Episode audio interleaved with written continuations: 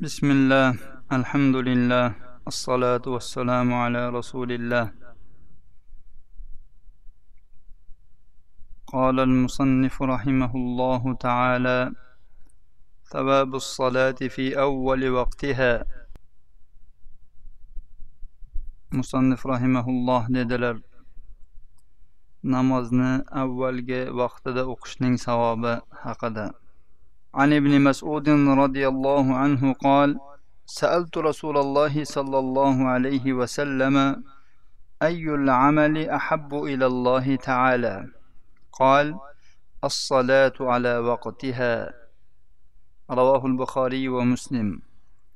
ibn masud roziyallohu anhudan rivoyat qilinadi dedilar men rasululloh sollallohu alayhi vasallamdan qay bir amal alloh taologa sevikliroq deb so'radim u zot dedilar vaqtida o'qilgan namoz imom buxoriy va muslim rivoyatlari وعن أم فروة وكانت ممن بايع النبي صلى الله عليه وسلم قالت سئل النبي صلى الله عليه وسلم أي الأعمال أفضل قال الصلاة في أول وقتها. رواه أبو داود والترمذي.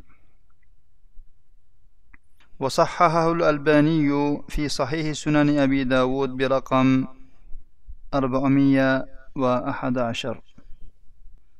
أم فروة رضي الله عنها رواية قلنا bu nabiy sollallohu alayhi vasallamni bayat qilganlardan biri edi. Aytadiki nabiy sollallohu alayhi vasallamdan amallarning qay biri afzalroq deb so'raldi. U zot namozni avvalgi vaqtida o'qish dedilar. Yoki avvalgi vaqtida o'qilgan namoz dedilar. Abu dovud va termiziy rivoyatlari alboniy bu hadisni sahih sunan abi davudda to'rt yuz o'n birinchi raqam bilan sahih sanaganlar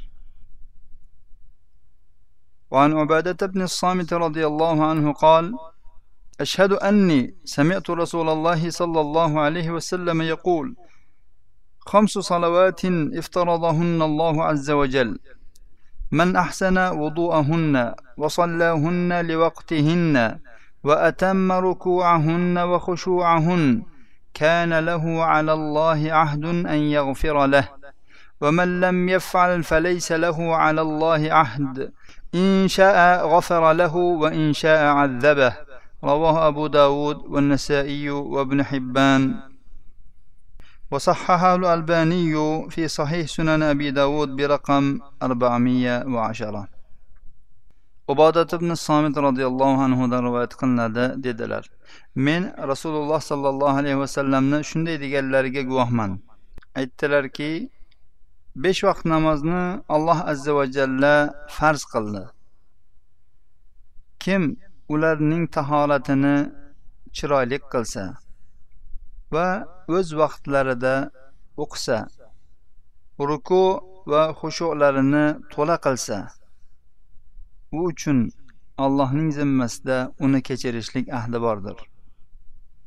Kim shunday qilmasa u uchun allohning zimmasida biron ahdi yo'q. Agar xohlasa uni kechiradi agar xohlasa uni azoblaydi. Abu dovud nasoiy ibn hibbon rivoyatlari alboniy bu hadisni sahih sunan abi dovudda to'rt yuz o'ninchi raqam bilan sahih sanaganlar hadisdan bobimizga taalluqli joyi bu namozlarni o'z vaqtlarida o'qigan bo'lsa وفي رواية لأبي قتادة قال قال رسول الله صلى الله عليه وسلم قال الله عز وجل إني فرضت على أمتك خمس صلوات. عهدت عندي عهدا أنه من يحافظ عليهن لوقتهن أدخلته الجنة ومن لم يحافظ عليهن فلا عهد له عندي. abu qatodaning rivoyatida kelganki aytdilar rasululloh sollallohu alayhi vasallam dedilar alloh azza va jalla dedi. Men sizning ummatingizga besh vaqt namozni farz qildim va o'zimning huzurimda bir ahdni qildimki kimki mana shu namozlarni o'z vaqtlarida muhofaza qilsa o'z vaqtida o'qisa uni jannatga kiritaman. Kim muhofaza qilmasa bu namozlarni u uchun mening oldimda hech qanday ahd yo'q. Bu hadisni ham alboniy sahih sunan abi davudda to'rt yuz o'n beshinchi raqam bilan sahih sanaganlar. Demak alloh subhanava taolo besh vaqt namozni o'z vaqtlarida o'qishlikni farz qilgan. Vaqtida o'qigan odamni gunohini kechiraman degan. Vaqtida o'qimagan odamni xohlasa kechiradi xohlasa azoblaydi. Bu vaid. Bundan qo'rqish kerak. Shuning uchun har bir namozni o'z vaqtida o'qish kerak. Ishim edi boshqa edi ishxonam ruxsat bermaydi va hokazo yoki ustim yaxshi emas edi yuvinishim kerak edi kiyim almashtirishim kerak edi har xil bahonalar qilish ketmaydi. Namoz o'z vaqtida erkaklar uchun jamoatda o'qilishi kerak. Gohlar ishini bahona qilib boshqasini bahona qilib ikkita uchta namozni jamlab o'qishadi. Biz boshqa adashgan toifalarda aytmayapmiz shu ahli sunnadan bo'lgan. Lekin uning nazarida uning dilida namozni qadri bo'lmagan insonlar bular har bir namozni azon aytilishiga tezda o'qish kerak. Odatda gohi yurtlarda azondan keyin besh o'n daqiqa o'n besh yigirma daqiqa kutiladi. Aksar ya'ni yurtlarda shunday. Lekin goh yurtlarda jamoat hozir bo'ladi keyin azon aytilib namoz o'qiladi. Azon aytilgandan keyin vaqt e, muayyan vaqt kutiladigan joylarda ayol kishilar azonni eshitishiga namoz o'qisa bo'laveradi. Jamoat boshlanishini kutish shart emas. Agar uyda namoz o'qiyotgan bo'lsa. Erkaklar azonni eshitdimi? Ishini yig'ishtirib kiyimini almashtirib tahoratini qilib masjidga yo'l olsinlar. Savabu kalimatin tuftatahu bihinna namozni boshlaganda aytiladigan so'zlarning savobi. عن ابن عمر رضي الله عنهما قال بينما نحن نصلي مع رسول الله صلى الله عليه وسلم إذ قال رجل في القوم الله أكبر كبيرا والحمد لله كثيرا وسبحان الله بكرة وأصيلا فقال رسول الله صلى الله عليه وسلم من القائل كلمة كذا وكذا؟ فقال رجل من القوم أنا يا رسول الله قال عجبت لها فتحت لها أبواب السماء. قال ابن عمر فما تركتهن منذ سمعت رسول الله صلى الله عليه وسلم يقول ذلك. رواه مسلم. وهذا الذكر يقال بعد تكبيرة الافتتاح. ibn umar roziyallohu anhudan rivoyat qilinadi dedilar biz rasululloh sollallohu alayhi vasallam bilan birga namoz o'qiyotgandik to'satdan qavm ichidan bir kishi allohu akbar kabiro valhamdulillahi kasiro va subhanallohi bukratan va asila deb yubordi.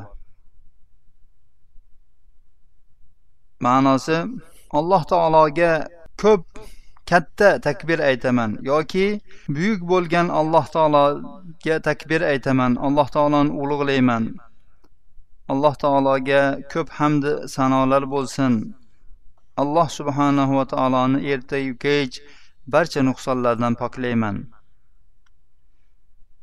Shunda rasululloh sollallohu alayhi vasallam dedilar falon falon so'zlarni aytgan kim u? Qavmdan bir kishi men ey rasululloh dedi.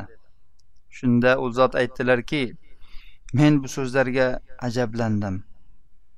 Bu so'zlar uchun osmon eshiklari ochildi.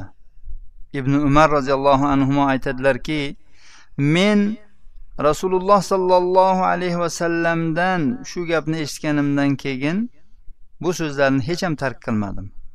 Ya'ni doim namozimda aytib yurdim dedilar imom muslim rivoyatlari.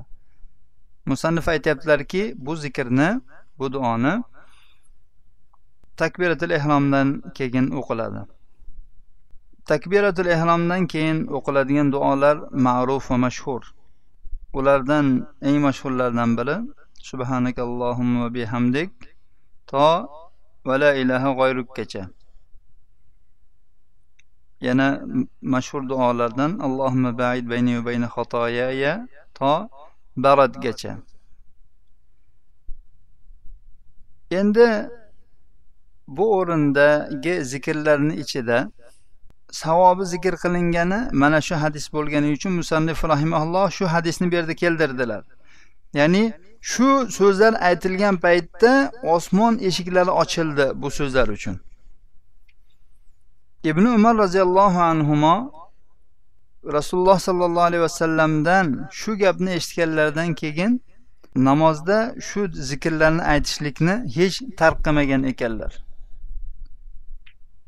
Shunga o'xshash muayyan bir o'rinda aytiladigan zikrlarda bir necha xil lafzlar vorid bo'lgan bo'lsa afzali bularni gohida unisini gohida bunisini aytishlikdir.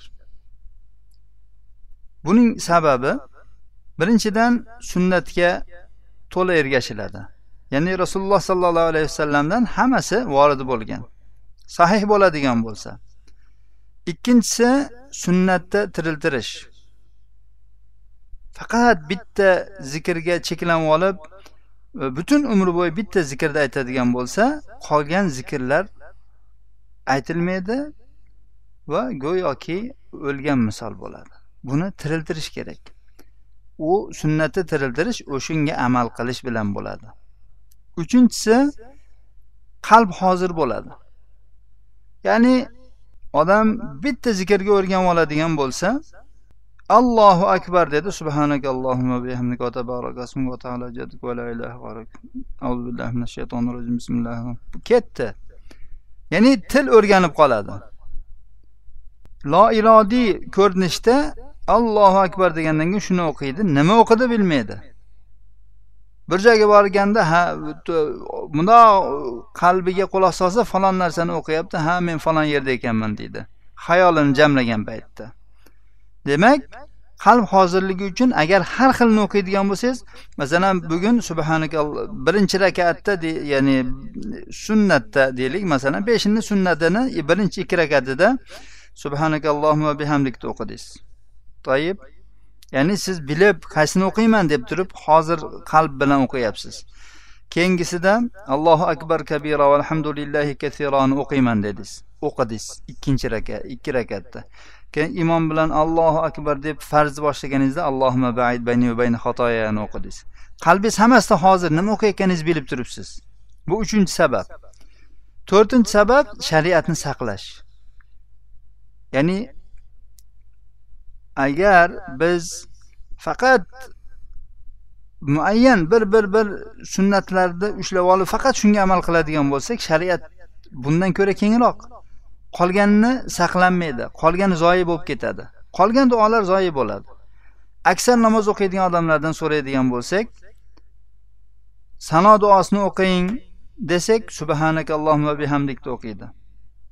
Chunki bu yoshligida yoki namozni boshlaganda shuni yodlagan. Undan keyin o'zini o'stirmagan harakat qilmagan ajrlarni orqasidan quvmagan.